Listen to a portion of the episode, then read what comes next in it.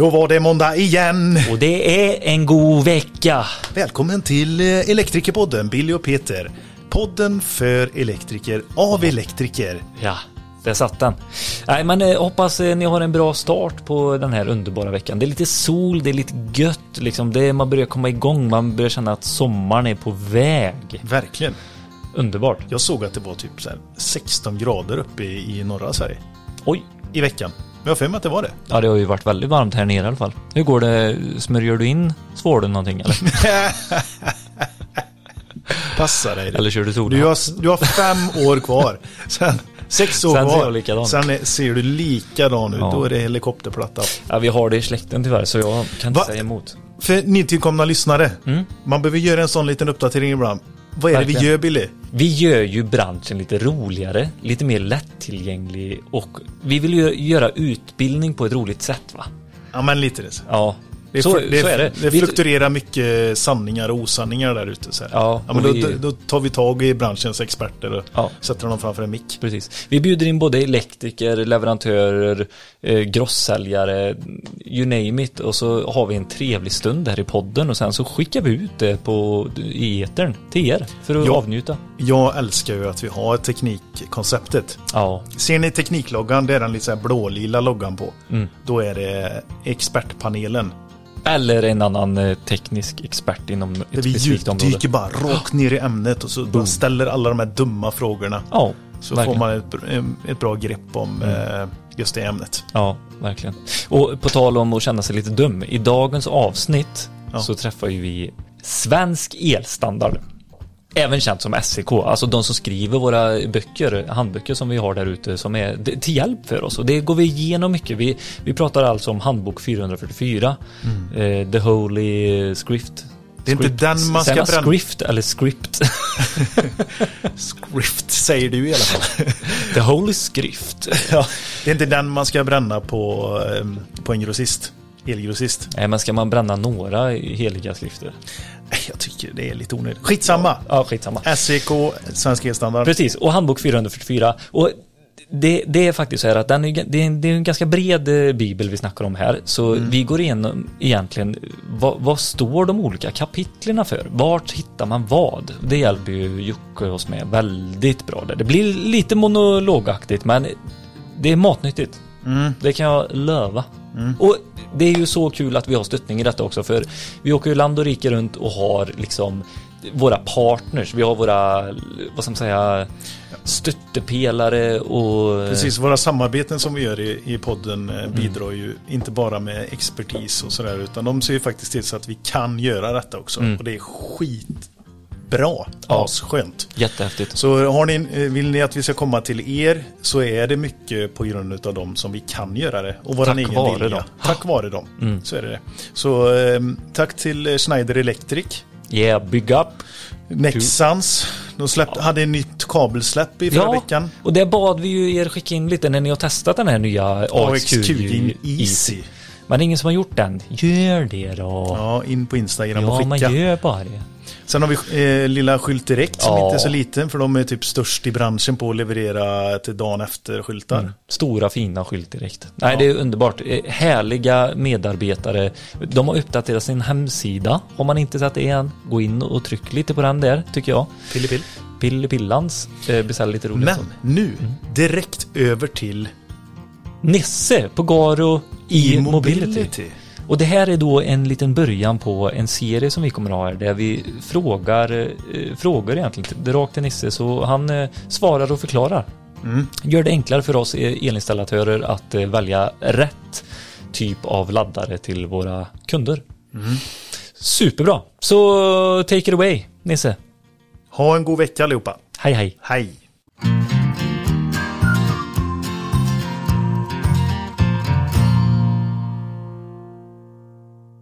Idag ska vi så- prata om säkerhet vad det gäller elbilsladdning, eh, Mikael. Eh, om vi börjar, vad, vad är den största säkerhetsbiten vad det gäller elbilsladdaren när du ska installera det? Vad är det främsta du ska tänka på som installatör? Eh, Att uppfylla elinstallationsreglerna. Ja, det var ett bra svar. Eh, Och det är ju mycket faktiskt. Ja. Eh, Man ska tänka på sammanlagring, att sammanlagringsfaktorn är 1,0.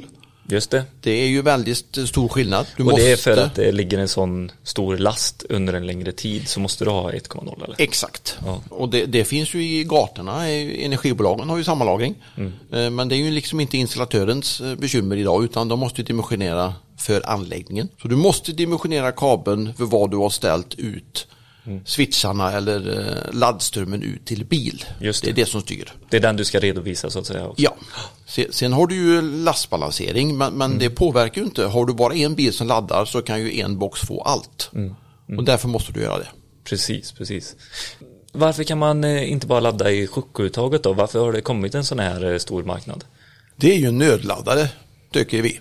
Ja. Och det är ju så att där finns inga krav på jordfelsbrytare, DC-övervakning och så vidare.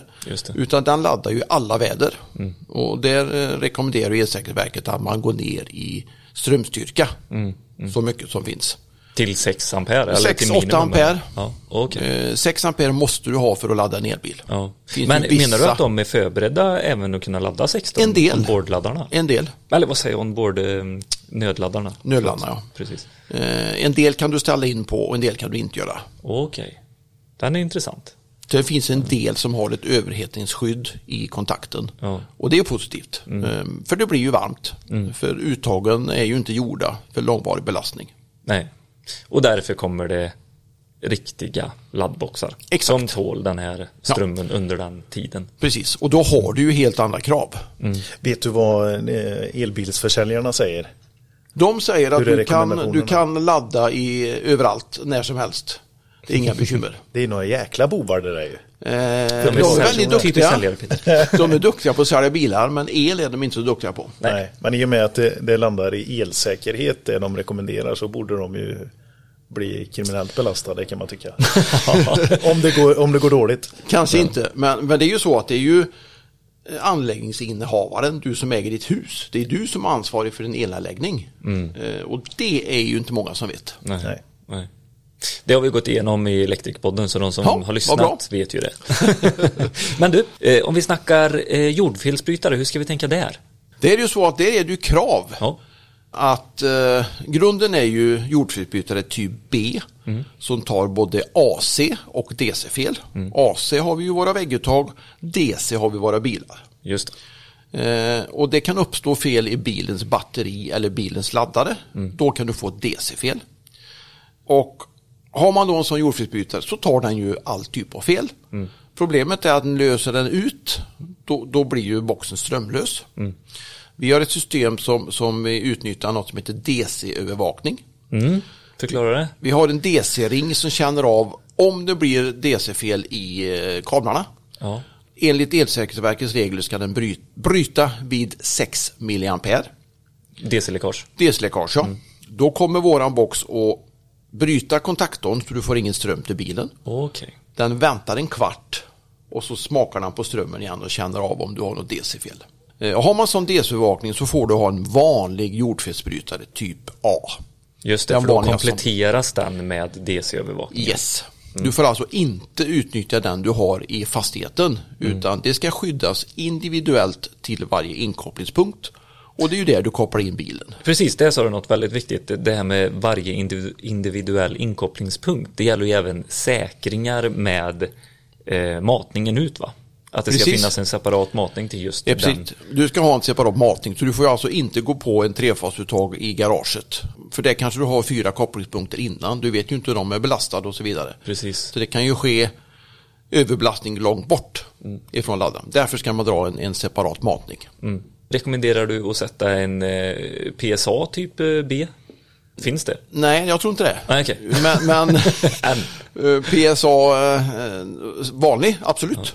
Ja, och det är ju det som man kan känna sig säker då när ni har den DC-övervakningen som Exakt. ni har. Då kan du ju sätta en PSA. Ja. En vanlig inom... Du behöver inte eh, ha något annat. Nej, precis. Sen, sen om vi har en eh, Twin, våran dubbelbox, eller en LS4, Precis. våran större publika, Ja, då sitter ju alla skydd i eh, laddaren. just det. Då har du både säkring, du har jordfelsbrytare och energimätare till varje uttag. Så det kan man knyta emellan så att säga, att du kan Absolut. sätta i serie. Jajamän. Men GLBn, GLBn, ja, våran eh, standard laddbox som vi har med ett uttag. Eh, Den prioriterar vi att ha en energimätare i boxen för att uppfylla kravet för avdrag grön teknik. Då sätter man en personskyddsautomat på matande kabel. Om man har en trefasbox. Kör man en enfasbox då finns alla skydd i boxen. Okej, så det, då får det plats. Absolut. Ja. Och varför gjorde man den inte lite större bara? Det är en bra fråga. Det kanske kommer en uppdatering snart. Ja, man vet aldrig. Vi tittar ju alltid framåt. Jajamän. Absolut. Eh, Men det har väl att göra med att vi har, eh, det är ju Smålands bolag. Vi är ju vana att utnyttja det så mycket vi kan. Eh, Och då har vi samma kåpa, så att säga. Eh, Sen har det hänt mycket inombords med Precis. programuppdateringar och så vidare. Ja. Så det har hänt jättemycket. Men- Men den ser ju likadan ut som den gjorde när den kom i princip. Kul. Men det här ger ju en väldigt bra bild på att eh, vi, vi kan räkna med att det finns bra säkerhet och elsäkerhet i era laddboxar när vi väljer dem. Och det är tydligt, det är, om vi går över på GLB 3-fas, då får vi börja kolla lite hur vi har i matande med Absolut. skydd. Superkul! Tack, Tack så mycket. jättemycket! Tack kan jag. Om el, om el,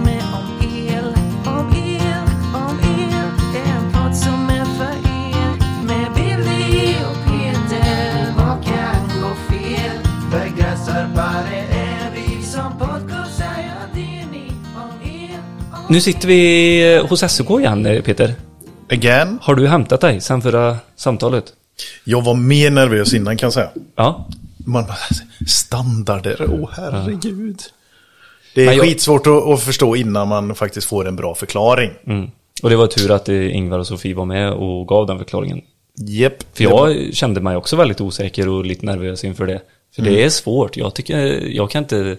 Ja men det är väl så här, när man ska sätta ihop, ja nu ska vi prata standarder och Ja. då blir det så himla pro professionellt, det blir så eh, tjänstemannamässigt eller man ska säga så här, fack.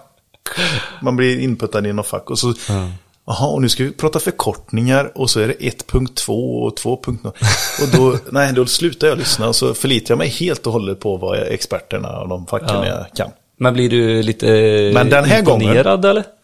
Eh, imponerad? Ja. ja, absolut. Ja. Alltså, jag förstår ju vidden av standarder och varför vi behöver det och att vilken tur att det finns organisationer och människorna i de här organisationerna som faktiskt lägger ner tid och gör det här. Mm.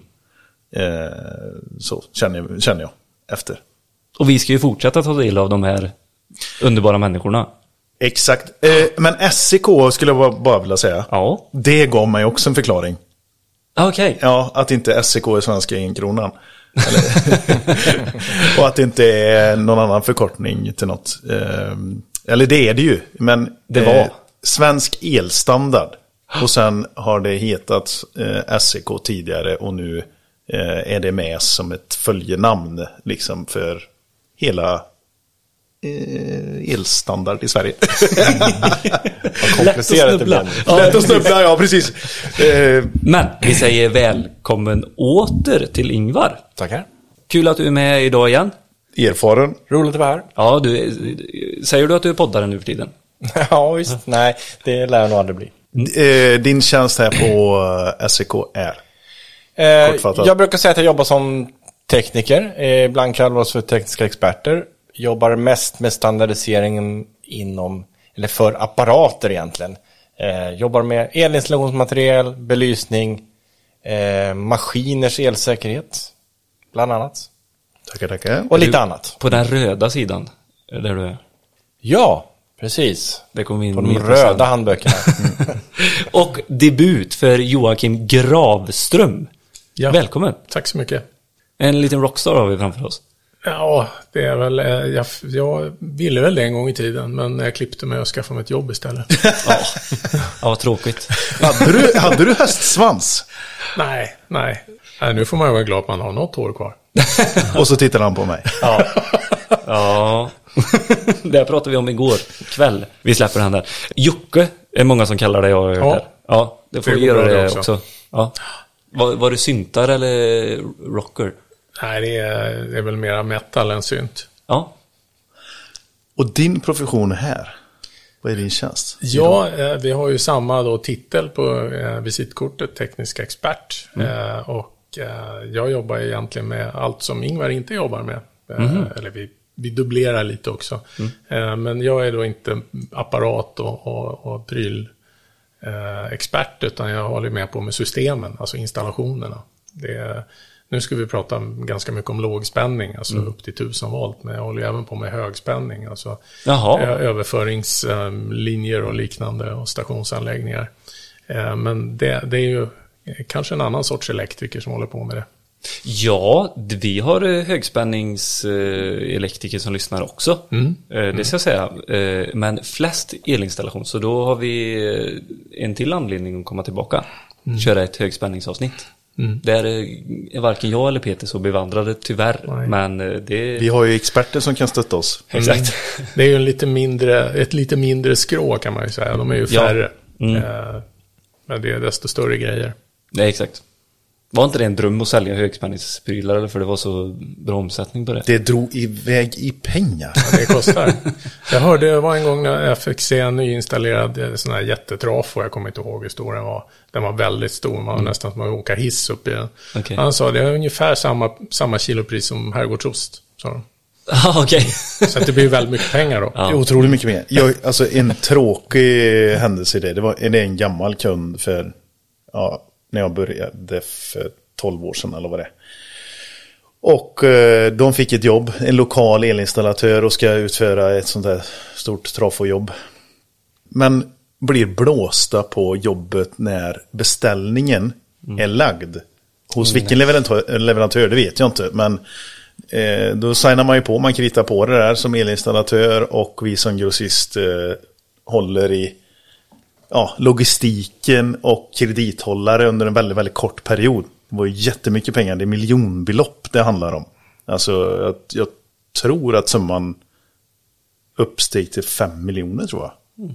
Inte Alltså ett ställverk. eh, En trafokiosk är väl någon miljon där? Så. Ja, precis. Man kanske inte ska hålla på med sånt bara för att pengarna dyker upp liksom. Men jättesvårt. Han har återhämtat sig idag och uh, Har till och med sålt fint ställverk. eh. Precis, ståendes. Nej, det blir inte ens tillverkat. Nej, vad bra. Men han hade ju kritat på, så juridiskt så satt han ju där med skägget i brevlådan. Ja, tråkigt. Tråkigt. Ja, vi pratar ju om att det, det byggs upp eh, lite tekniska kommittéer också. Och sitter ni med i några tekniska kommittéer? Ni som eh, tekniska experter? Ja, självklart. Vi sitter ju, del, dels sitter vi med i kommittéer bara för att bevaka och hjälpa till rent administrativt i kommittéerna. Men sen Okej. så har vi vissa områden som vi ansvarar för. Då. Så att, jag, jag ansvarar väl för kommittéerna för belysning, elinstallationsmateriel och maskinsäkerhet just nu. Då. Men Vad även också, vi har TK34 för belysning, 23 för eh, elinstallationsmateriel och 44 för maskiner. Då. Men jag sitter även och jobbar med helt andra områden som eh, hushållsapparater och funktionsprovning. Jaha, TK59, så det är lite udda faktiskt. det du jobbar med innan. Ni som inte har hört första avsnittet än, gå in och lyssna där så förstår ni Ingvars bakgrund också. Och Håkan, du sitter Joakim. Ja. Eh, jo, eh, jag håller ju då på med de, framförallt de stora installationskommittéerna. Eh, TK64, som är då elinstallationer för lågspänning.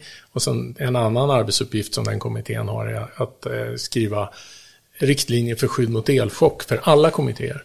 Okej. Eh, I Sverige har vi ju 100 kommittéer, där Ja. pratade ni kanske om i förra avsnittet som inte jag har hört än. Eh, ehm, och sen så i Sverige har vi ungefär 100 kommittéer och 64 är då en av dem. Eh, som håller på med lågspänning och sen är jag med i 99 som då är motsvarande för högspänning. Då. Eh, och sen, det är väl de två där jag är med och, och så att säga, driver kommittéerna. Sen är jag med lite när det gäller explosionsfarliga områden. Sitter jag med, men där EX, lys, lyssnar jag och lär lite mera. Ja, okej. Men, men alltså, lågspänningsinstallationer är väl, det är väl liksom kärnan i vad jag håller på med. El- Vilken är TK100? Det känns häftigt att vara med i den. Ja, Det kan man göra. Det är audio-videoutrustning. Och inte då elsäkerhet primärt, utan det är eh, det var inte så häftigt andra egenskaper. Ja. Nej men skitkul. Och vi ska ju prata om nyttan i detta för den enskilde elektrikern egentligen? Varför vi ska eh, beställa era handböcker och använda oss utav dem när vi sen antingen ska räkna på jobb, utföra jobb eller eh, rent servicemässigt kolla om vissa anläggningar är okej. Så det, det ska vi gå igenom idag. Känner ni er taggade? Ja, Ja, det är Såklart. Jävlar, det, är det det stora det provet är det, vi, detta? det är det vi jobbar med. ja precis. Det är vardagsmat. Ja.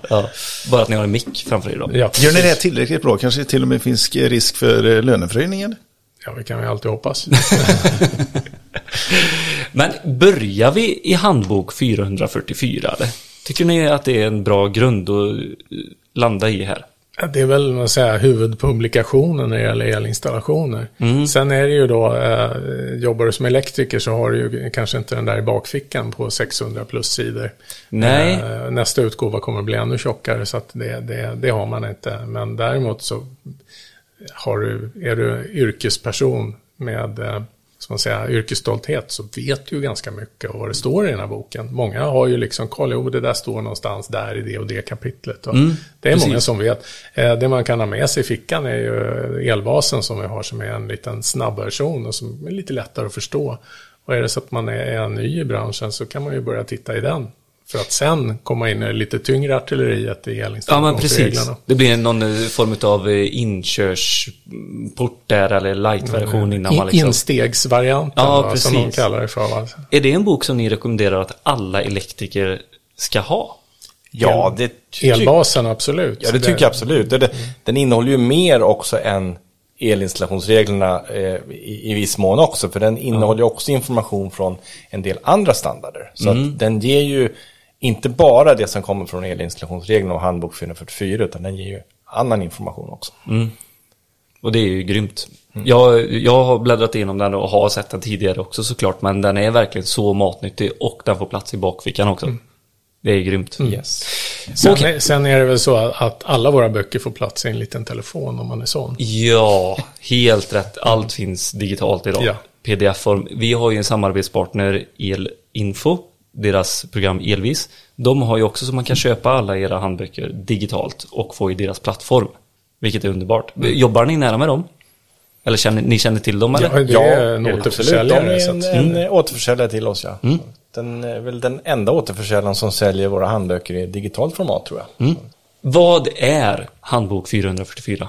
Ja, Man kan väl säga, ja, som jag sa, det är ju det flaggskeppet. Flaggskeppsmodellen kan man väl säga för elinstallationer för lågspänning. Där har du ju allt.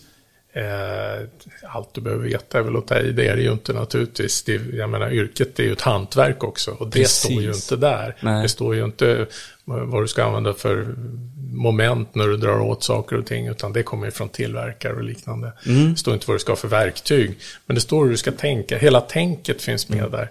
Och har du klart för dig tänket i elinstallationsreglerna då blir det mycket lättare att förstå vad det står i dem. För att det är inte alltid, det är inte alltid jättelätt att förstå vad det står i en standard. Utan det, det är en vana att läsa. Och är man van, då, då blir det väldigt mycket lättare. Det, Hur blir man van att läsa en standard då? Tänker jag. Hur, alltså hur, vilken ände ska man börja i? Är det, är det något eh, eh, avsnitt som man liksom säger, ja, men börja med den och läs en grund, förutom elbasen som vi pratade om. Eh, När man ska öppna, för jag, man blir ganska skrämd när man ser liksom handbok 444 framför sig på ett bord så här. Nej, det står där i, pekar de bara. Men eh, var, var, vart ska man börja för att bygga upp den här grundsäkerheten och även hur man börjar tolka den, tycker ni? Jag, jag brukar ju säga när jag är ute och pratar om elinstallationsreglerna så brukar jag säga att, att du måste ju titta på vad är det du ska skydda dig mot. Vi har ju elektricitet, där har vi liksom tämjt alla de här hästkrafterna in i kopparledare. Ja, då måste vi se till att vi inte släpper ut de här på fel sätt. Vi måste skydda oss mot elchock. Det vill säga, man ska inte komma åt spänning så att du får ström genom kroppen. Det är ju liksom nummer ett. Nummer två är att det här kan bli varmt. Det kan bli väldigt, väldigt varmt om det här strömmen eh, inte tämjs på rätt sätt. Det är väl lite som om eh, eh, man försö försöker köra lite för mycket, eh, för högt tryck i ledningar till exempel, i gasledningar eller vattenledningar, då sprängs de. va? Det är samma Precis. sak, kör du för mycket tar du ut för mycket elektricitet ur en kabel så blir det för varmt och då kan det börja brinna.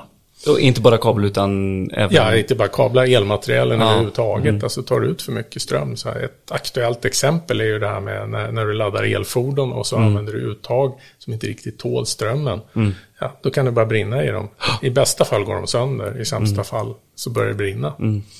Eh, och sen så, eh, det, det är liksom det, de två första, elchock, termiska verkningar. Och det kan ju också vara att, att det är varmt i omgivningen som gör att materialen förstörs också och kan ställa till problem. Då börjar vi prata om yttre påverkan. Och det kan vara värme, det kan vara kyla, det kan vara ja, radioaktiv strålning, inte så ofta, men det kan också förstöra syra, explosiv miljö. Det, det, Allt som elinstallationen ska, kan utsättas för och allting du utsätter den för måste du se till att eh, man har ett rimligt skydd. Och då säger man att, att eh, en, en standard i det här fallet, det är ju en slags prefabricerad riskanalys. det är så att företagen ska ju inte konkurrera liksom med vilken säkerhetsnivå. Jag har lägst säkerhetsnivå så jag är billigast. Nej, Nej, men så är det inte, utan Nej. här har man ju satt en säkerhetsnivå som är, håller du den här så håller du inom lagens råmärken. Mm. Sen får du konkurrera med annat, prestanda och, och, och snygga ljusarmaturer eller vad du, du gör, eller snabbt datanät Mm, och så vidare. Eh, sen, sen är det ju här då, har man ju kokat ner det här i olika avsnitt och kapitel i standarden. Mm. När det gäller utförandet. Sen har ju den här elinstallationsreglerna är ju inte bara hur installationen ska vara utförd. Utan det är ju även med hur du ska kontrollera att det faktiskt blev rätt. Just det. I delen 6 då har du kontroll för idrifttagning. Och sen har du även rekommendationer för kontroller under resans gång. Mm, mm. Där har, vi, har du lyssnat på de avsnitten som vi har släppt? Eh, kontroll för drifttagning. Vi har släppt eh, kontinuitet och Ja, så ja, ja, precis, förimpedans, ja. Mm, eh, tilläggsskydd, eh, val av skydd i anläggningar. Ja, du ser. Där kontrollerar du att du har eh, att du faktiskt har uppfyllt allt det här. Mm. Yttre påverkan, skydd mot elchock, eh, termiska verkningar. Mm. Eh, du måste ju räkna på kabelnät till exempel. Mm. Eh, så, att, så att du har rätt avsäkring. Mm. Eh, och, det, du måste veta belastningen. När du vet belastningen, ja då kan du välja hur, mycket, hur högt du kan säkra ditt kabelnät. Mm. Och sen kan du välja, eh, välja kabel utifrån Mm. det. Men det är en egen handbok som du pratar om där också. Det finns en separat Ja, handbok det just för kabeldimensionering för att det är ju naturligtvis ett, ett, det är ett kapitel för sig också Ja. i elinstallationsreglerna. Men kablar dimensionerar man ju liksom dels utifrån att, att en kortslutning till exempel. En kortslutning är en väldigt kort påverkan på, på kabeln och då tål den ju mycket mer ström än vad den tål kontinuerligt. Mm, precis. Så att du måste tänka på både, både kortslutning och sen den här kontinuerliga strömbelastningsförmågan som finns hos en kabel.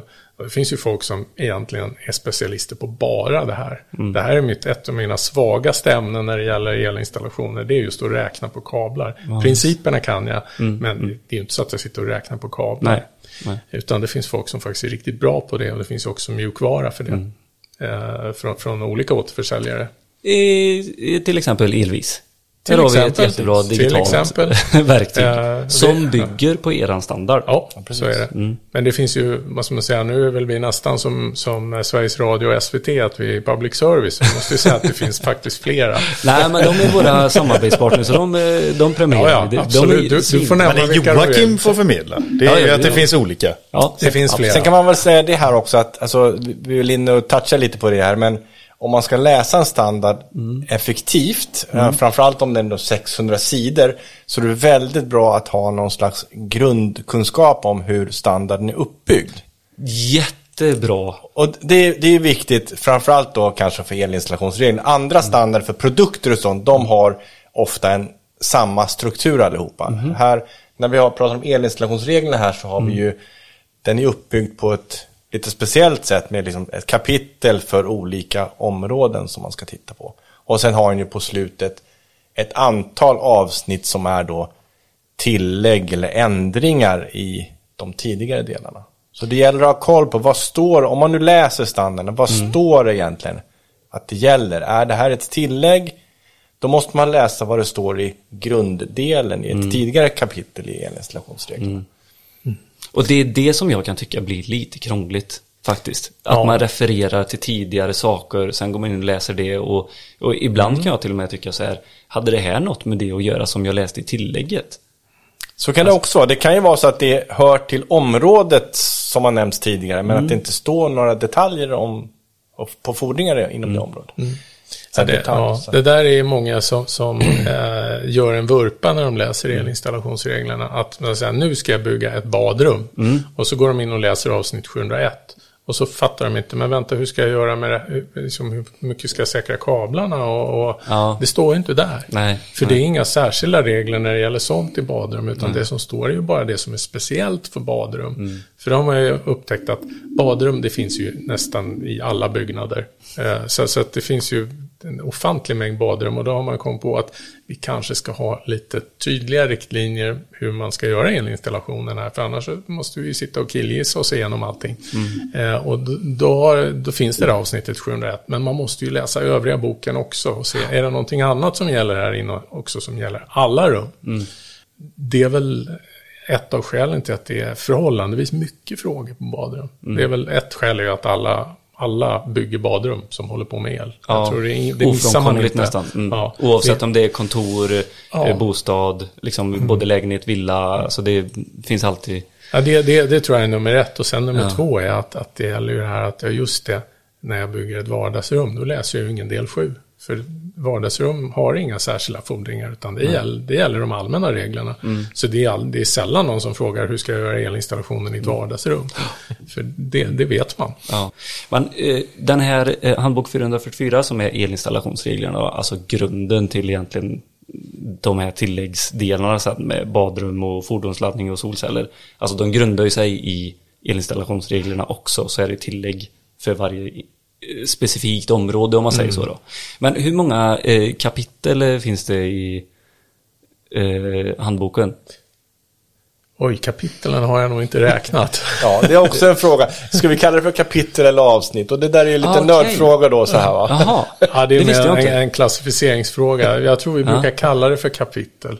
Men vi har ju då, eh, eh, vissa delar har ju inga kapitel heller. Men om man säger att det, elinstallationsreglerna består av en del 1 som Ja. innehåller då sån här allmänt som säger att mycket av det som står här är, är ju ingenting du använder när du utför elinstallation utan det, den beskriver tänket mera. Hur ska Tänket, du tänka? Jag tänker, när du bygger upp ett system eller? Ja, hur, hur du ska tänka när du, när du planerar elinstallationen. Lite som jag pratade om tidigare, att, att du ska tänka på skydd mot elchock, du ska tänka på, på termiska verkningar och så vidare. Det är del ett. Ja. Sen har vi del två som är termer och definitioner. Där beskriver vi, vi har ju väldigt specifika ord Ja. som betyder väldigt specifika saker i en standard. Så där, det är också sånt där, folk läser, ja men här står ju inte hur det ska vara. Ja men du måste läsa definitionen av den här termen. Då kommer det här, då rasslar det till i huvudet. Jaha, det betyder det och ingenting annat. Varför skriver man inte det från början då? Ja, det är ju det att, att, att man ska ju i princip kunna ersätta en term med hela definitionen i löpande text. Och det kan man göra. Men det är redan 600 sidor. Ja. Och ska vi då ersätta till exempel termen främmande ledande del med hela definitionen, då blir det några sidor till och lite jobbigare att läsa. Är det här din personliga åsikt? Ja, Går det att förändra detta? Kan vi få ner det till en... nej, alltså det... Nej, jag skojar bara. Det, Nej, men, men det- det- gru- grundläggande, alltså, vi måste ju använda termer och begrepp som, så, som är definierade.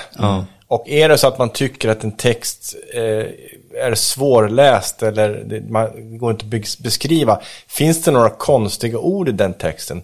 Kolla då om det finns definierat, vad betyder det här ordet? Då blir det oftast lättare att förstå.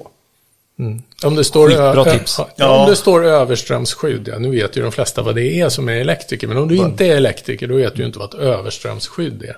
Men läser du då definitionen på vad det är, då kan du åtminstone, om du inte är elektriker så kommer du ändå förstå vad- det här, vad det här gör. Eh, och, och det är mängder med sådana ord. Det är, jag vet inte hur många sidor, det är väl 10-12 sidor. Men bara Definitionen. Ja, det är ju jättebra att det finns. Ja. Att, det, att det var inte, att det inte Men- var men- separerat Men, men, utanför. då, ja, men de här två första då, del 1 och del 2, det är ju ingenting, du, det börjar ju inte genom att läsa det där. Alltså att man läser ju, man, det är ju ingen, liksom, Det är ingen ljudbok va? Nej. Nej. Det är, så här, Åh vad spännande, här kommer anslaget här i del 1. Ungefär som en James Bond-film. va? Ja, det blir spännande på en gång. va? Nej, så är det ju inte. Utan det här är ju mer en uppslagsbok. Sen kommer man Ja. till, till del 3, Ja. som också är en sån här, vad ska man kalla det för, en allmän beskrivning. Där beskriver Igen. man de, de olika systemen som man kan ha för, att, för kraftförsörjning. Eh, Ah, okej. i Sverige är vi ju då, eh, de flesta som jobbar elektriker, de, som elektriker, de behöver inte tänka på de olika systemen. För att det vi har till ja, 100% elnäten och till väldigt stor del i övrigt också är direktjordade system. TN-system som vi kallar dem för. Eh, men det finns även något som kallas för TT-system som ju då är inte direktjordade utan där får du ordna jorden själv. Du får tre faser och neutralledare in från nätet och sen får du ordna en jordning själv och slår ner en pinne i marken och sen där är din jord. Då. Ja, men typ vid system där du har en generator och, allt det här. Har du, ja, precis. Har du egen, egen strömförsörjning då behöver du jordelektrod. Då. Eh, Men, men TT-system då är ju inte tillåtet att ha i Sverige i distributionsnäten. Det har Elsäkerhetsverket bestämt. Eh, Det är väldigt billigt för elverken nämligen. De behöver inte ha någon jordelektrod. Det sparar de massor på. Däremot samhällsekonomiskt är det ju inte lika bra för då måste alla husägare ha en egen jordelektrod istället. Så att totalt sett så är TN-system, har vi i alla fall i Sverige, tyckt att de är bättre. Sen har ju de andra fördelar också. Jag vet inte hur djupt vi ska gå i det. Men, men, eh, Ja, men det, jag tycker det är intressant. Ja. TN-system TNC och TNCS och, Ja. och för och nackdelar med det också. Men om vi tar fördelen med TN-system Mm. gentemot ett TT-system är ju det att du får billigare skyddsapparater ganska ofta. Mm. För att ett TN-system, när du får ett jordfel eller en kortslut, eller framförallt ett jordfel, Mm. så får du en strömrusning som är ganska stor eftersom Mm. jorden är direkt kopplad till neutralledaren. Och, eh, och då får du en strömrusning som gör att en, en säkring eller en, en, bry, en effektbrytare löser väldigt fort. Och då kan du klara skyddet mot elchock för att du har en sån kort bryttid. Har du TT-system däremot, där ska ju strömmen gå tillbaka till transformatorn i marken. Och det kommer att bli en väldigt liten ström, så att då kommer inte ett överströmsskydd att lösa ut, alltså en säkring eller en effektbrytare. Utan du måste ha ett jordfällsskydd på inkommande servis. Eh, och sen måste du i stort sett ha jordfelsbrytare på precis allting för att det överhuvudtaget ska funka. Du kommer inte att klara skyddet mot elchock utan den. Eh, så att det blir, fler skyddsapparater. Ja, Billy, jag är bortkopplad. Nej, men, eh, jag förstår, men det som är intressant är ju varför har man då med TT-systemet eh, i eh, förklaringsdelen? Globalt är det det absolut vanligaste jordningssystemet. Jaha. Eh, Det är norra Europa, skulle jag vilja påstå. Eh, Med undantag av Norge och Danmark. Som har TN-system. Tyskland har också. Men i övrigt så är Sydeuropa och eh, tredje världen, det är TT-system. Okej. Det är absolut vanligaste. Ja. Det är billigt. Säger du inte åt nätägarna att bygga ett TN-system, då lär de inte göra det. Nej, nej. För du spar mycket pengar i elnätet på att inte ha eh, TN-system. Ja. Eh, Så det ska vi nog vara ganska glada för att vi har i Sverige. Ja, det låter som. Även fast eh, systemet inte är riktigt bra utbyggt ändå. Ja, Det, det kanske, finns- det kanske det- var bra, hade varit bra om de sparade pengar där och la det på lite större kablar och sånt. Som vi Ja. står inför nu. Ja, ja, det är väl eh, transmissionsproblemen i Sverige mellan norr och söder. Det, det är ett annat problem. ja. Eh, Men, men TN-system är det vi är vana vid och Mm. eh, det vi har inne i byggnader är det man kallar för TNS-system. Mm. Och det har man ju gjort i ja, snart 30 år. Mm. Men fortfarande säger man femledarsystem. Nej, man, Och jag brukar fråga vad har du i eluttaget där då? Det här är ditt enfasuttag. Femledarsystem. Jag har sett igång och räknat åtarna. För Mm. hur många är de? Eh, Det är inget bra att beskriva ett fördelningssystem efter hur många ledare det är. Nej. Eh, För det beskriver nämligen inte hur fördelningssystemet är jordat. För det är ju det som är intressant. Mm. Och det, allt det här beskrivs ju i del 3. Och det är inte bara växelström utan det är ju likström. Och det blir ju mer och mer hett med likström Mm. när, man, när vi kommer till, åter tillbaka till solceller och fordonsladdning och så vidare. Eh, batterilager och liknande. Björn på Ferroamp eh, har ju vi pratat med. De Mm. har ju byggt upp sitt eh, system med DC-anslutning emellan. Mm. Och han menar ju på att det kommer komma mer och mer sådana apparater också som du kan koppla direkt mot ditt likströmsystem Ja, ja. om du har Ja. batterier, solceller och, och som du säger med elbilsladdning och allt Mm. detta. Hur, hur, är det något ni diskuterar i, är, vilket, är det TK64 där eller? Det diskuteras väl i många kommittéer tror jag, men i 64 är det ju diskussion om systemen, Mm. alltså hur systemet ska fungera. Själva apparaterna, det är en annan sak. Va? Mm. Det finns ju apparater som går både på AC och DC. Det är inte alltid en vanlig dator till exempel. Mm. Går ofta, den här datorladdaren, den funkar på DC Mm. som regel. De är inte märkta på för det, men de funkar. Mm. Kör du, eh, vad blir det, motsvarande toppvärdet på 230 eh, så, så funkar det utmärkt. Mm. Ehm, Du som håller på med apparater Ingvar, hur, hur kollar ni på det? Är det något eh, som man ser att det kommer bli vanligare eller? Eller är det bara ett önsketänkande Ja, alltså Björn? arbetet nu är väl mest att det är som Jocke säger, det är, man diskuterar det på systemnivå egentligen. För Ja. att innan vi tar fram systemet för det så kommer det inte göras så mycket produkter för det. Sen så finns det i dataservice och sånt, där har man ju produkter som går på DC idag. då. Så att, och det, där anpassar sig även stickproppar, uttag, apparatanslutningsdon och sånt som, som man ansluter med produkten. De an, anpassar sig även för DC då. Va, vad sa du, i, i typ datahallar och sånt? Datahallar är Ja. ganska vanligt idag med DC-matning då. Ja. Och ett uppbyggt system i datahallarna Ja, som är DC? Ja, för DC.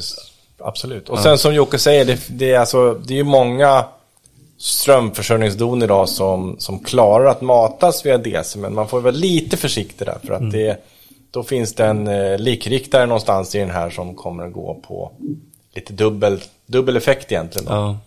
Strömmen går bara i halva likriktaren så att det kan bli lite överbelastning där. Men oftast så funkar det.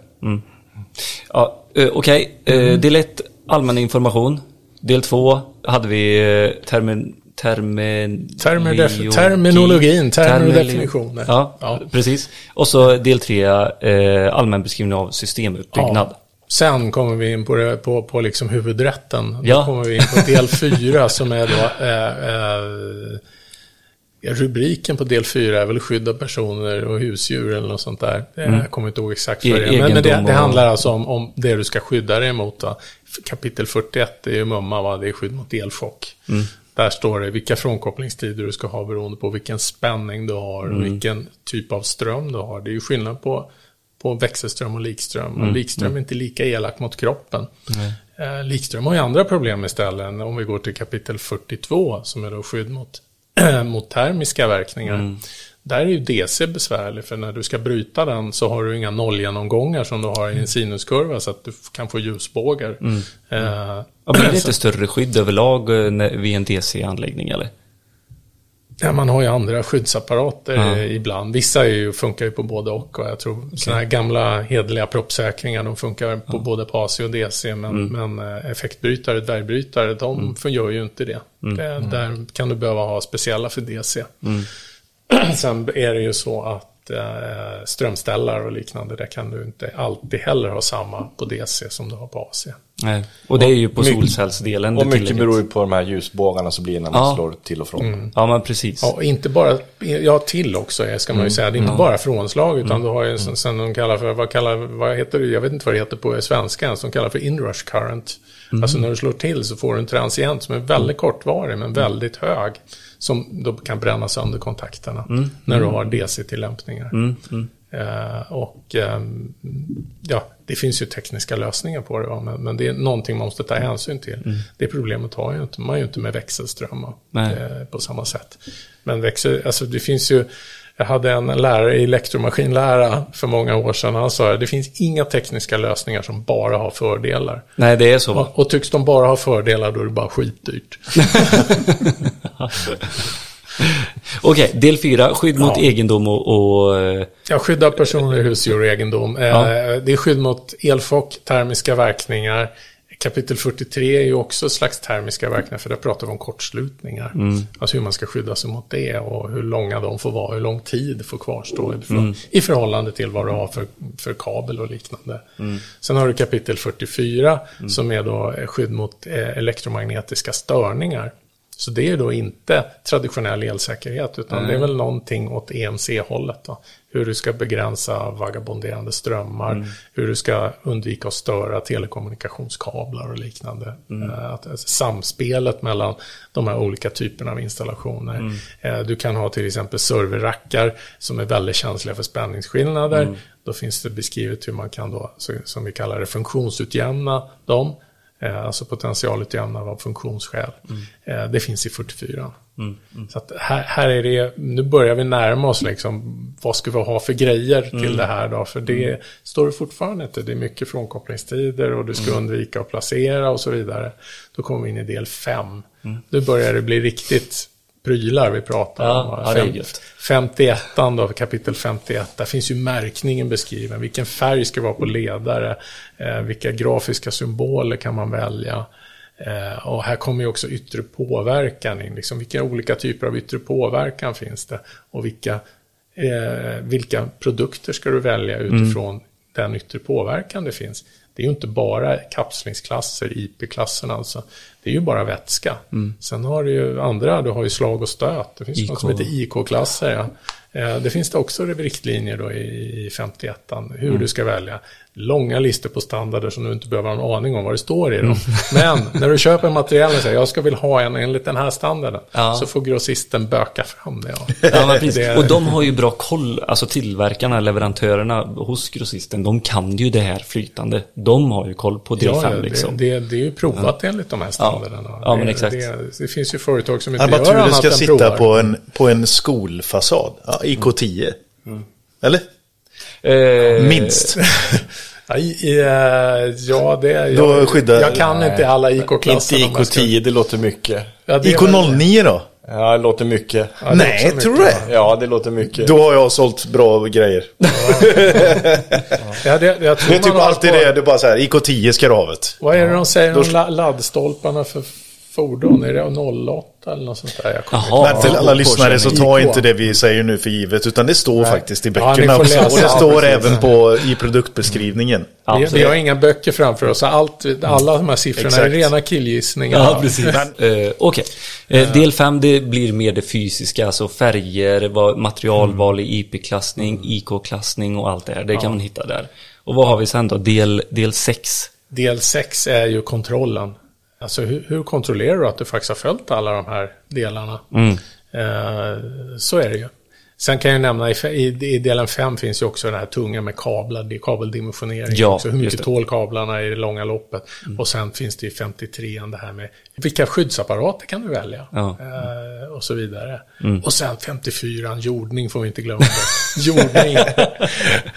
Jätteviktigt avsnitt. Att du kan allt detta är... Ja. Ja, Nej, jag har bara hållit på med det här i 25 år eller något sånt. ja exakt, exakt. Eh, Så att, eh, jag, jag, jag, 25. håller, jag lär mig medan jag gör, håller Ja. på. Ja. Men del 6 har, vi, har våra lyssnare bra koll på Ja. hoppas jag. Annars så får man gå tillbaka och lyssna på de avsnitten där vi går igenom kontroll för idrifttagning. Mm.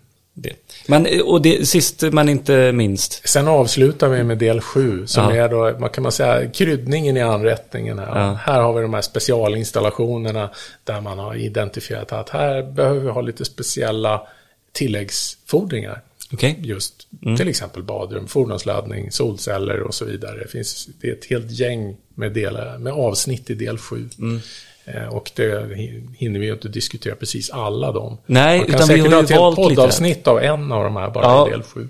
Garanterat. Mm. Och nu, det låter ju ganska mycket de här nu. Vi har gått igenom de här sju olika delarna och allting.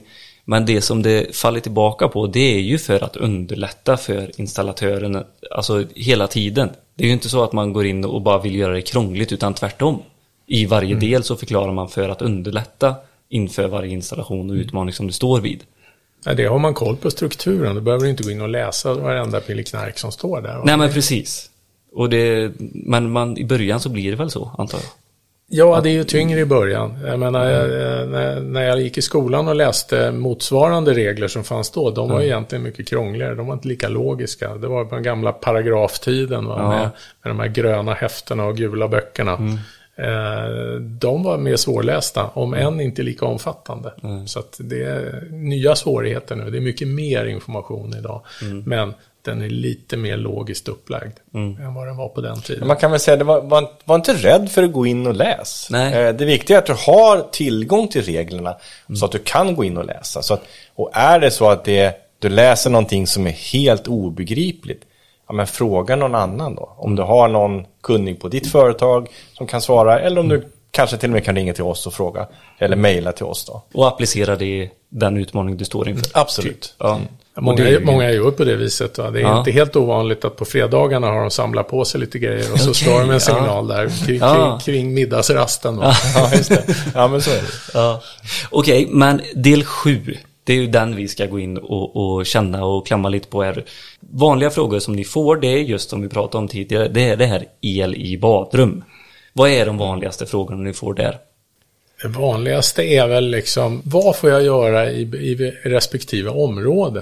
För det är ju indelat i ett antal områden. Och hur bestämmer jag vad som är i vilket område? Eh, det här är ju beskrivet i, i, vad ska man säga, dels i skriven text, för det måste ju beskrivas i text i en standard. Jajamän. Och sen har man då, för att den texten kan bli väldigt svår att förstå, så har man då ritat ett antal bilder för att visa, så här är området.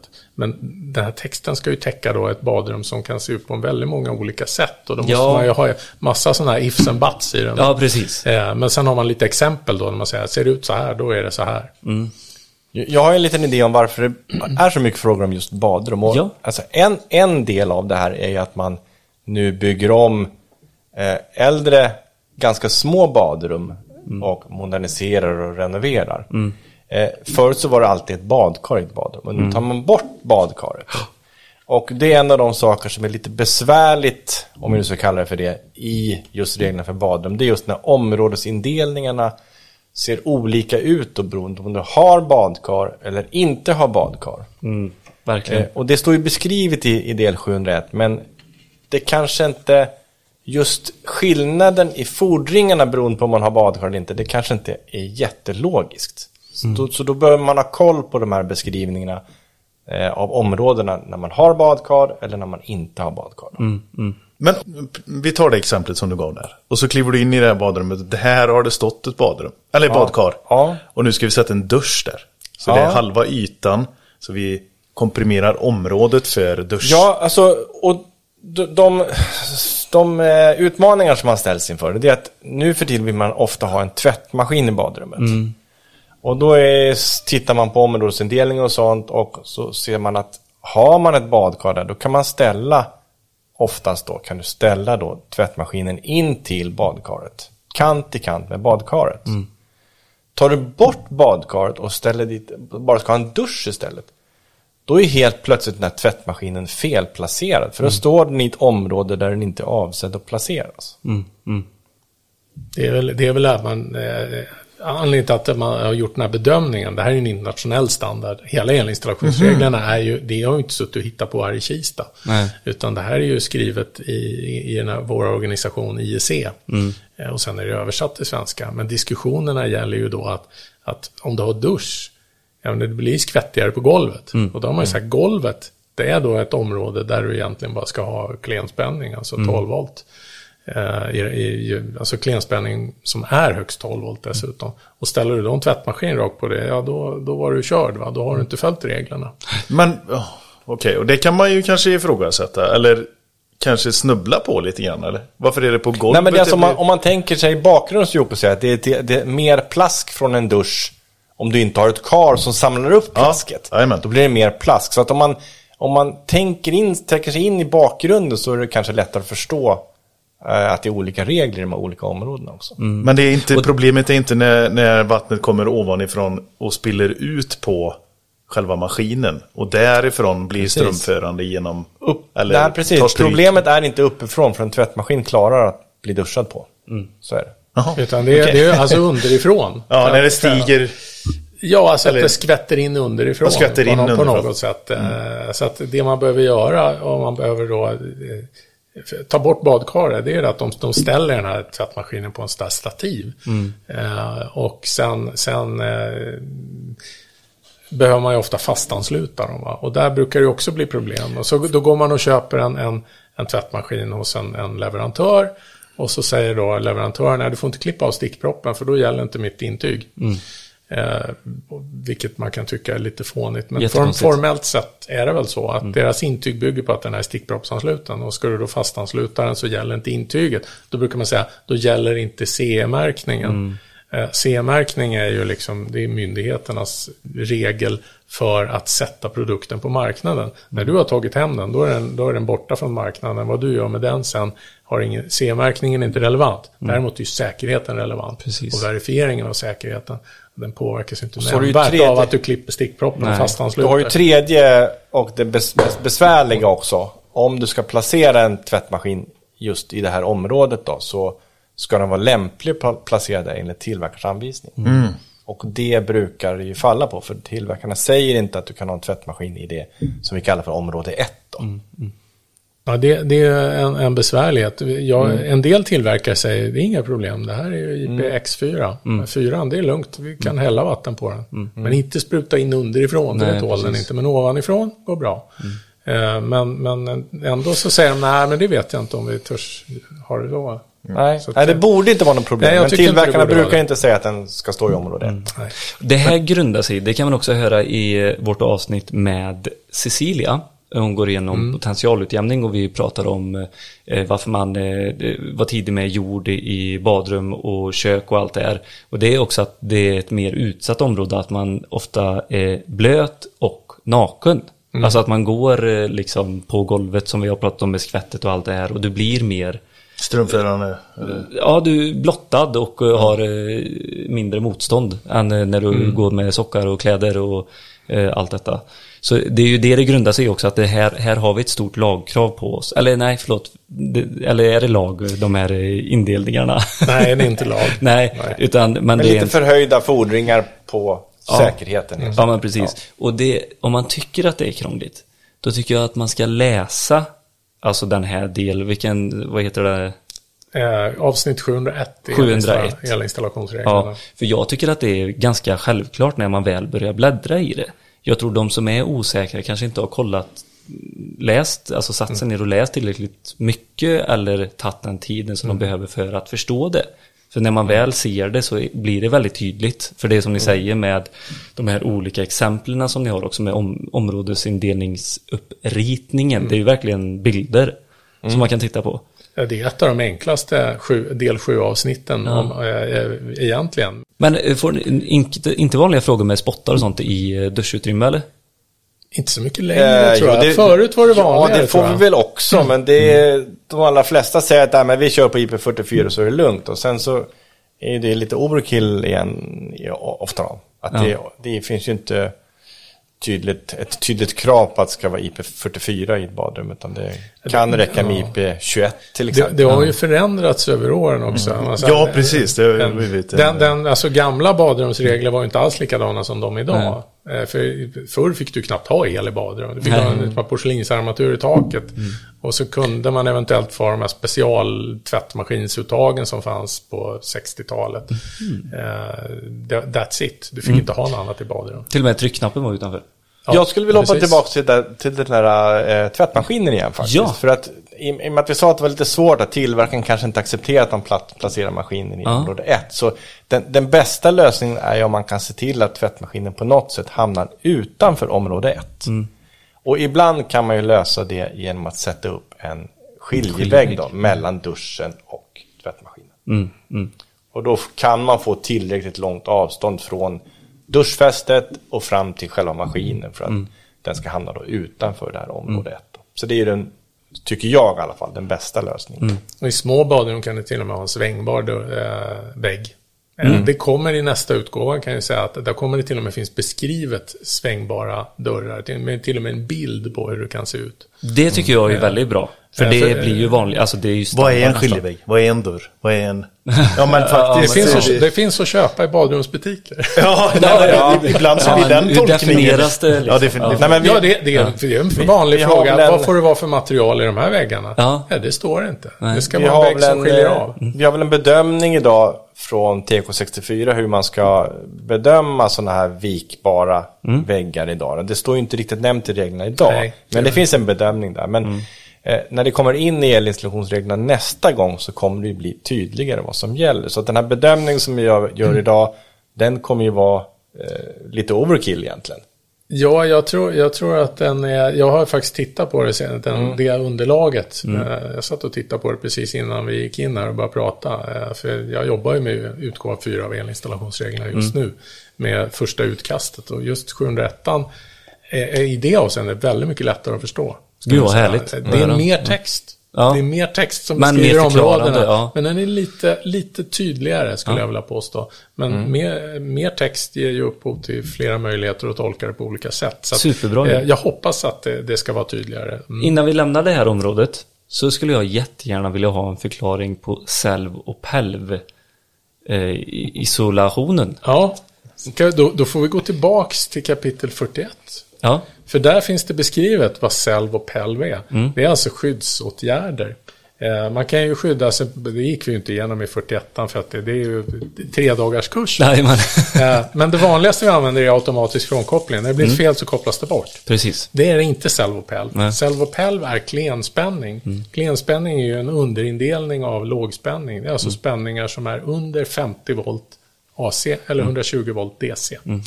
Och när det gäller Selv så är den en frisvävande krets, det vill säga den är helt ojordad. Den Mm. är frisvävande med en isolertransformator, eller skyddstransformator heter det när det är klenspänning.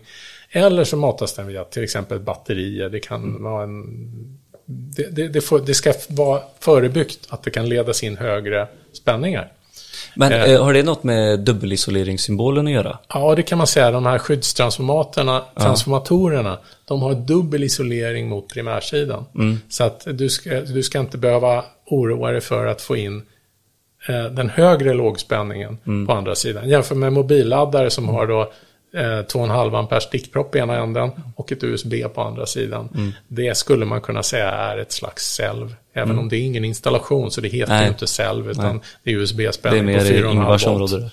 Ja, eh, men, men för att få ett, ett vardagligt exempel på Ja, det. Va? Eh, Men man kan väl tänka sig också att, att en, en cellkrets kan ju vara till exempel ett sån här larm inne på, en, på en, en dusch eller en toalett. Så kan du ha larm om du har på sjukhus eller liknande. RVC, Eller, Ja, sådana här RVC, RVC-larm. Eh, Det är ju som regel cellspänning i dem. Och cell är ju då den låga spänningen är en del av skyddsåtgärden. En annan del är att se till att spänningen är väldigt låg. Och eh, sen är det beroende på, är du till exempel i ett badrum så har du ju i områden 0 som är då i, i badkaret och på golvet och 10 cm upp då om det är en dusch. Eh, ska du ha någonting spänningssatt där så ska det då vara selv och det är dessutom reducerad spänning på det. Det får inte vara så högt som 50 volt. Jag tror det är 12 volt, jag minns inte. Det är sällan någon som 1230. Det är 12, 30, 12 AC och 30 DC. Det är, Okej. det är väldigt ovanligt med el i områden 0. Ja, ja, herregud. Det ska vara om du har någon belysning i badkaret eller något sånt där. Anslutning, bubbelpool och sånt. Ja. det, får ni frågor om sånt? När det... Det är enligt tillverkarens anvisning. Ja. Väldigt enkelt. För där, där, det har man styrt upp i produktkraven. Alltså produktstandarden för bubbelbadkar. Där står det tydligt att i installationsanvisningen ska det här finnas med. Står det. Ja, ja. Det är...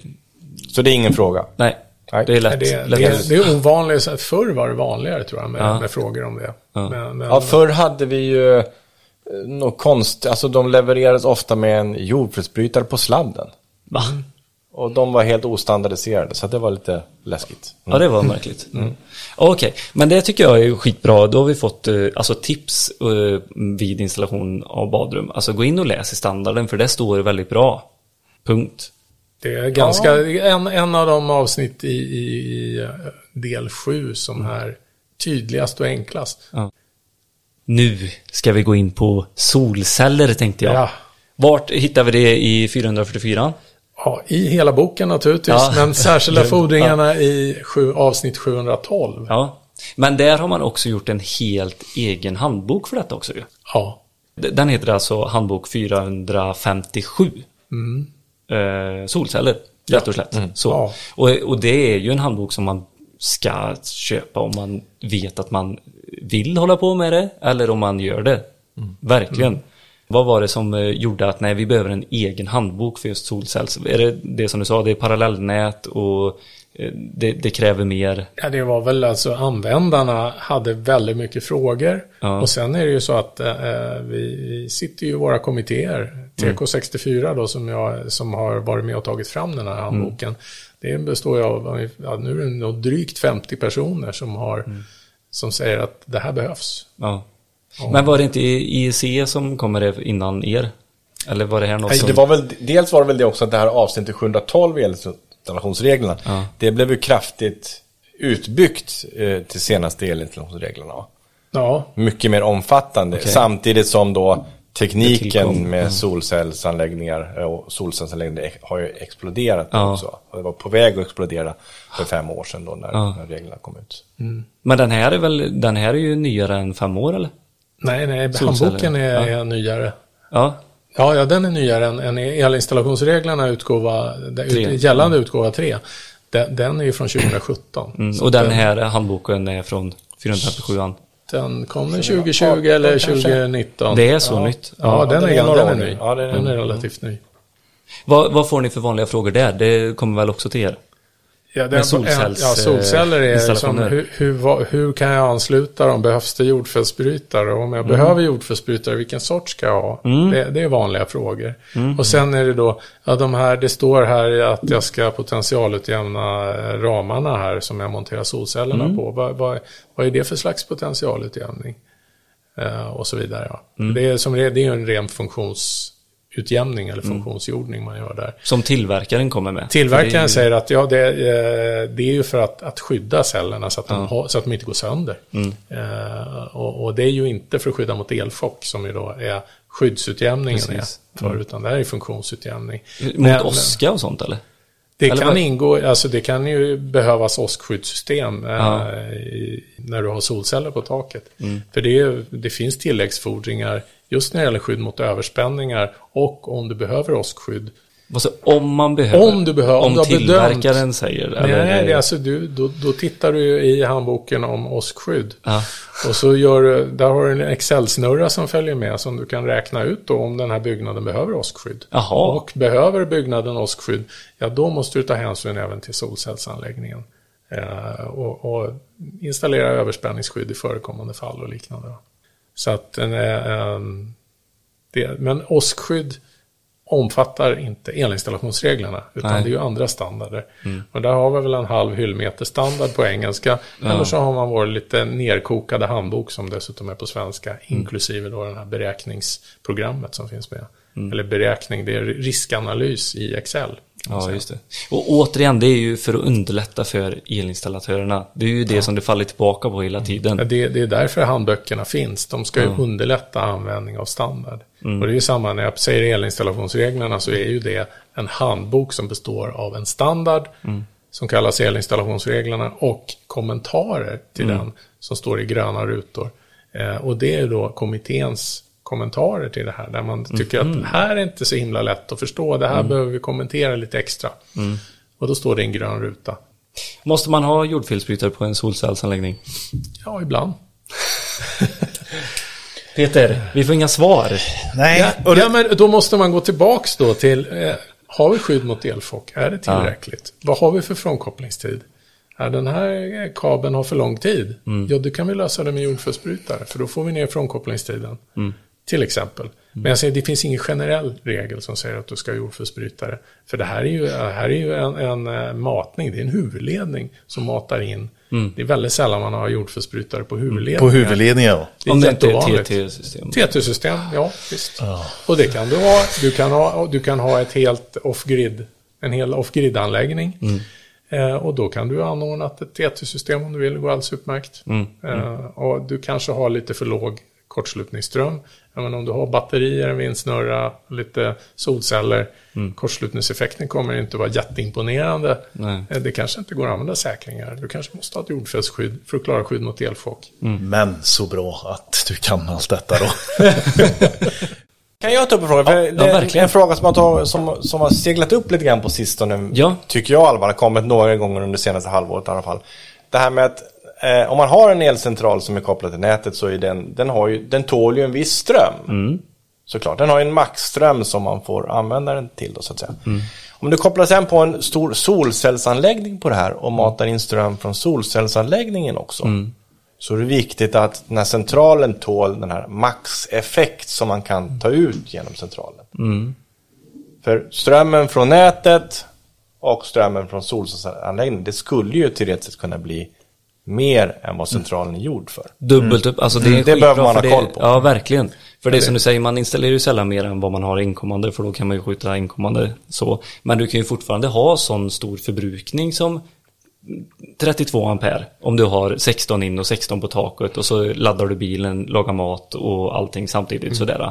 Så det, det är ju verkligen Det jättebra. kanske inte är något problem för, för villan i normalfallet kanske, men kanske för lite större anläggningar kan man Ja, där kan det vara problem. För Ja. att där kan du maxa på med ganska mycket extra. Och det, Mm. alltså, ledningssystemet i hus är inga problem. Men med ställverket kan det bli hett som Mm.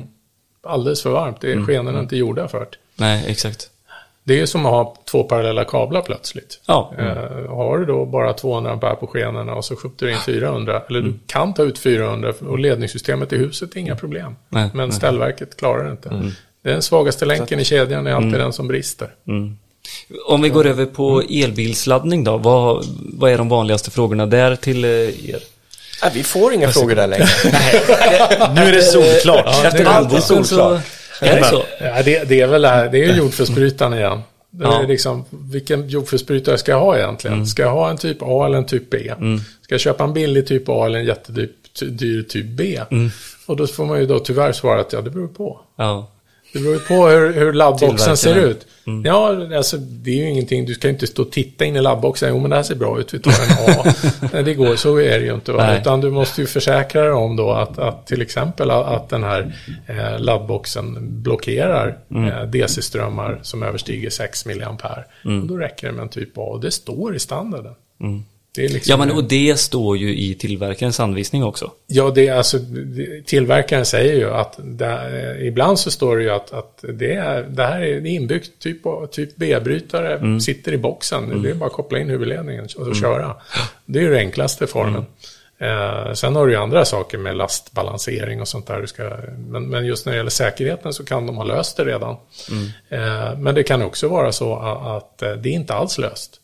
Så att när du väljer box då så kan du titta, tittar du på priset så här, vi tar den när den är billigast. Och så ingår inga skyddsapparater och så tillkommer det jordfelsbrytare eller en sån här blockerare. Jag kommer inte ihåg vad den där skyddsapparaten heter nu, de är ganska nya som, som kan begränsa DC-läckströmmarna ut. Eh, eh, men men då, då går det på några tusen till. Eh, istället för att eh, du köper den med allting inbyggt.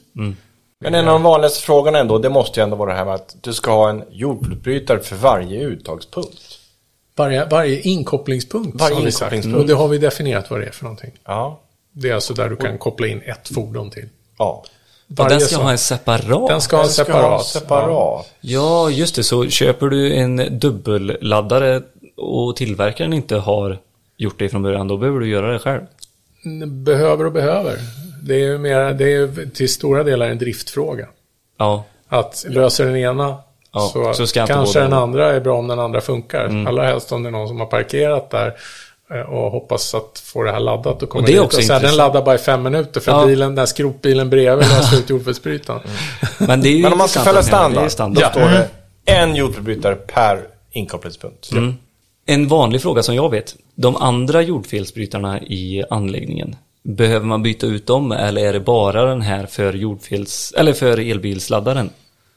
Där har de ju forskat kring. Ja. Installatörsföretagen släppte ju en, en lång rapport om det här och Ja. de konstaterade väl att det här är inget jätteproblem idag. För de pratar om det här, det är ju inte bara fordonsladdning utan även solceller. Exakt. Tog de med i den ekvationen och eh, gjorde väl simuleringar tror jag också och mätte och, och, och skrev den här rapporten. Och de konstaterade väl att det här är inget pro- jätteproblem idag, men kanske på sikt. Och problemet kanske i första hand inte är läckande DC utan eh, även högfrekventa störningar och liknande. Va? Jaha, har väl- elkraften har väldigt i mycket- huset.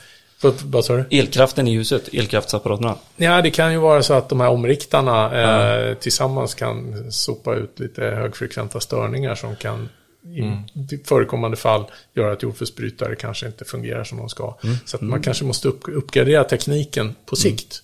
Men det är ingenting som händer imorgon. Men ser ni, ser ni att det kommer liksom tillkomma fler handböcker och större standarder eller kommer det bli tvärtom eh, i framtiden? Alltså det finns ju ett väldigt behov av handböcker. Ja. När, det är, när det upplevs som besvärligt att läsa en standard eller om det är en standard som är väldigt omfattande eller komplicerad så blir det såklart lättare att skriva eller läsa en handbok där man har liksom komprimerat och gjort det mer lättläst. Det är såklart det kommer vara fortsättningsvis intressant framöver också så vi, vi kommer ju såklart fortsätta ge ut handböcker. Får jag hoppa tillbaka till den här elbilsladdningen igen bara? För Absolut. Idag, alla som har en elbil idag, de har ju självklart en egen laddstation hemma. Det, är liksom, det är ju en liten kostnad i förhållande till vad elbilen kostar. Så att självklart har man en egen laddstation hemma. Men när du åker till faster Agda och ska ladda en bil och tänker använda den här så kallade nödladdaren för din elbil och ska koppla in på faster Ag- Agdas vanliga vägguttag. Så var lite försiktiga där. Eh, använd så låg laddström som det går. Gamla uttag och antagligen också den gamla elinstallationen är inte gjord för att ta ut 16 ampere under lång tid. Nej. Utan begränsa så mycket det går. 8 ampere, gärna ännu lägre om det går då. Men helst inte mer än 8 ampere. då. Om du ska ladda under lång tid. Nu, det, det här kommer bli ett problem. För vi eh, börjar ju semestra mer i Sverige och vi har köpt eh, stugor och sådär. Ja, ja, ja visst, Alltså- det är såklart. Men, men, Den eh, gemene man får en minst en hybrid. Men det är, det är lite läskigt om man tittar på vad som står på elbilsforum och sånt. Så, så det är ju väldigt många som säger ah, inga problem, jag har kört och laddat under många år och aldrig haft något problem. Så här. Nej, Han kanske har haft tur, eller den här personen kanske har haft tur. Just hans elanläggning kanske är ganska Exakt. bra. Risken är att man sprider ut att det inte är något problem. För det kan mycket väl vara det. Och det är inte säkert att det börjar brinna i uttaget eller att uttaget smälter på något sätt. Det kan börja brinna i en dosa eller någon annan kopplingspunkt någonstans. någonstans. i punkt eh, i huset. Ja. Ja, men jättebra. Det var en bra insikt. Den gick jag igång på. För där, där har du, i och med att det, det växer med marknaden liksom. Problemen växer med marknaden med elbilar. Vi har inte riktigt nått dit än, att vi har nått alla problemområden. Eller? Eller det blir min Nej, tolkning alltså, utöver att vi inte... Det är klart att ju fler, Belastningen ju fler liksom. Mm. rena elbilar det blir, desto fler ställen kommer de ju laddas på där de inte borde laddas. Alltså, Ja. Men samtidigt blir det fler laddstationer också, så att jag vet inte. Jo, men jag tänker ju blir- sommarstugan och sådär. Liksom. Varför ska man sätta en elbilsladdare i sommarstugan? Ja, det är en liten kostnad att göra det och vi Mm. vet att vi kommer ha elbilsladdning framöver. Men på en, eh, jag vet inte, en andels... Eller någon sån här Ja, men man där eller i något. två veckor om året eller Ja. fjällstugorna Ja. och allt Eller man Men- hyr men du i andra kan hand. alltid, Du kan alltid be någon elektriker att göra liksom en, en kontroll av din elinstallation så att du har åtminstone har så lite skarvar som möjligt till det här vägguttaget du ska använda. Ja, så är du... Ja, precis. Och då pratar vi ju till en Airbnb. någon som kanske hyr ut sin i andra hand eller någonting. Men kommer du med din elbil, Om du hyr då ut det, ska du verkligen... Om du hyr ut och har ett vägguttag där, då skulle jag säga sätt en 6 ampere säkring så har du löst problemet. Ja, exakt.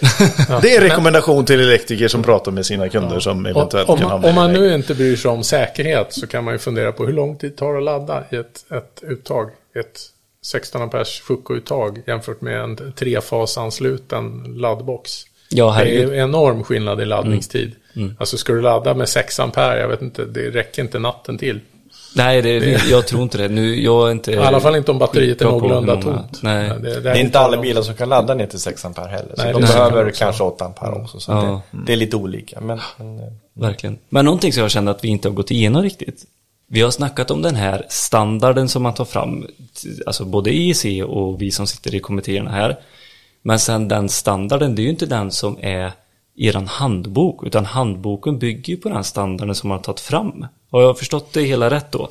Det är inte bara man har tagit standarden och satt SEKs framsida på den och så skickat ut va, utan man har även arbetat fram en version för ja, det är lite olika då. Men just Okej, om det vi är pratar olika- elinstallationsregler och handbok Ja. 444 här då. Den, den bygger på en översättning av, jag tror det är om det är 27 eller 30 IEC-standarder. Oj, eh, i, i botten. Som sen då, det här är ju standardiseringsbyråkrati. IEC är en global organisation och de standarder som tas fram där, de använder länderna om de vill. Vissa länder använder allt, en del använder ingenting. Eh, sen är ju vi då i Sverige är, är ju då medlem även i den europeiska standardiseringen, Senelec. Och Senelec, de är, vad ska man säga, de är kungamakare här. Va? Så de säger att den där IEC-standarden, den är Europastandard också. Eh, och då, har, då får den en, en helt annan status, för då måste ju alla länder i Europa, just när det gäller elinstallationer, så, så måste man eh, ge ut, för man får inte ge ut standarder som är i konflikt med det här. va? Många säger att det är den här nya EU-installationsreglerna. Det stämmer inte, för det här hade vi haft oavsett om vi hade gått med i EU eller inte. För det har, det, däremot så är det en harmonisering mellan länder i Europa. Ja, just det. Eh, och eh, där har ju då Europastandardiseringen har ju upphöjt den här IEC-standarden till en lite högre nivå. Så att du får inte ut någonting som är i konflikt med det här. Det innebär att europeiska länderna har ganska lika regler. Eh, inte 100% lika, men ganska lika är de i alla Man fall. tänker ju inte det när man åker runt. Nej, men, men det är ju en sak att titta på installationer och titta på standard. Ja, en del brukar ju säga. Mm. att i Spanien, det ser för jävligt ut och det är inget åt där överallt. Det är absolut inget fel på deras regler, det kan jag lova det. Mm. Utan det är nog efterlevnaden på det man hittar. Och du kan ju åka runt här i Sverige och titta på rätt Ja, skräpiga grejer också. Ja, herregud. Det, du behöver inte åka ut, du kan ju gå in, du kan ju gå in och titta på elfel på Facebook. Ja, herregud. Nej, men Men om vi går vidare där. Ja, Ja. precis. Vi har ju de här reglerna. Internationell standard, vi översätter dem till svenska. Men handbok 444 ger ju lite mer. mm, det är det har jag ju- försöker komma de fram har till. ju det är Kommentarer kommentarerna också. i gröna rutorna som jag pratar om. Ja, det, är det, lilla, det är det som är extra. mm, och som underlättar. Det, är tanken, det, det ska underlätta tillämpningen på, Ja. på de avsnitt som är, som är lite svårare att förstå. Mm. Och det där här är ju, det, det, det är ju levande, det, det kommer ju att växa och det kommer Mm. att ändras. Ja, men det jag ville säga med detta också, det är att de här handböckerna, de är ju verkligen framtagna för att användas. Så använd dem och läs dem. Och förstår man inte så, så precis som ni säger, ring eller mejla. Men det här är grunden liksom för allt gott i världen. Jajamän. Så är det. Så eh, har ni inte handbok 444, in och köp den. Testa det, läs den. Det så, så är det bara. Vi kan inte säga något annat, eller hur? Den ska alla ha. Nej. Ja, Och elbasen till varenda montör på firman. alldeles utmärkt. Det är, väl, det är väldigt många som inte har skaffat den tror jag. Jag vet inte om Ja. de sitter på gamla, eh, de kanske sitter på gamla gula boken. Ja. Eh, Och det är kanske inte, allt som står där är ju inte livsfarligt. Men det är klart, eh, du kanske inte är den absolut mest framgångsrika elinstallationsföretaget om du jobbar med gamla gula boken. Nej, precis. Framåtlutade kanske. Vi får ju höra det ibland att, att de tycker att elinstallationsreglerna är ganska dyr. Jaha, Den kostar ungefär en tusenlapp. okej. Den uppdateras kanske vart femte eller vart sjunde år. Det innebär att en kostnad på 200 kronor per år. Hur mycket behöver du jobba för att köra in de 200 kronorna? Alltså, vi pratar, det är inte många kronor vi pratar om här alltså. Och så blir det en sån stöttning. Så att det alla elinstallationsföretag, de ska ju ha elinstallationsreglerna senaste utgåvan. Så är det ju bara. Gött mos! Ja, shit Jag har alltså, inte blivit elektriker efter detta. Det har jag inte blivit. Men jag har blivit eh, fan så mycket mer förstående för att det fortfarande är jävligt komplext. Och jag ser ju framför mig att får ni in mycket frågor som ni tycker är relevant för ett avsnitt liksom. Det här är många som undrar, det hade varit gött att bara klargöra det, förklara det så, så många som möjligt får del av det och får vi det från lyssnarna så kommer vi tillbaka till er också. Hur många dagar vill ni ha att prata? ja, det, det, är så. tack eh, för att ni ville vara med. Ja, tack så jättemycket. Tack så mycket. Om er, om er, för er. Om er.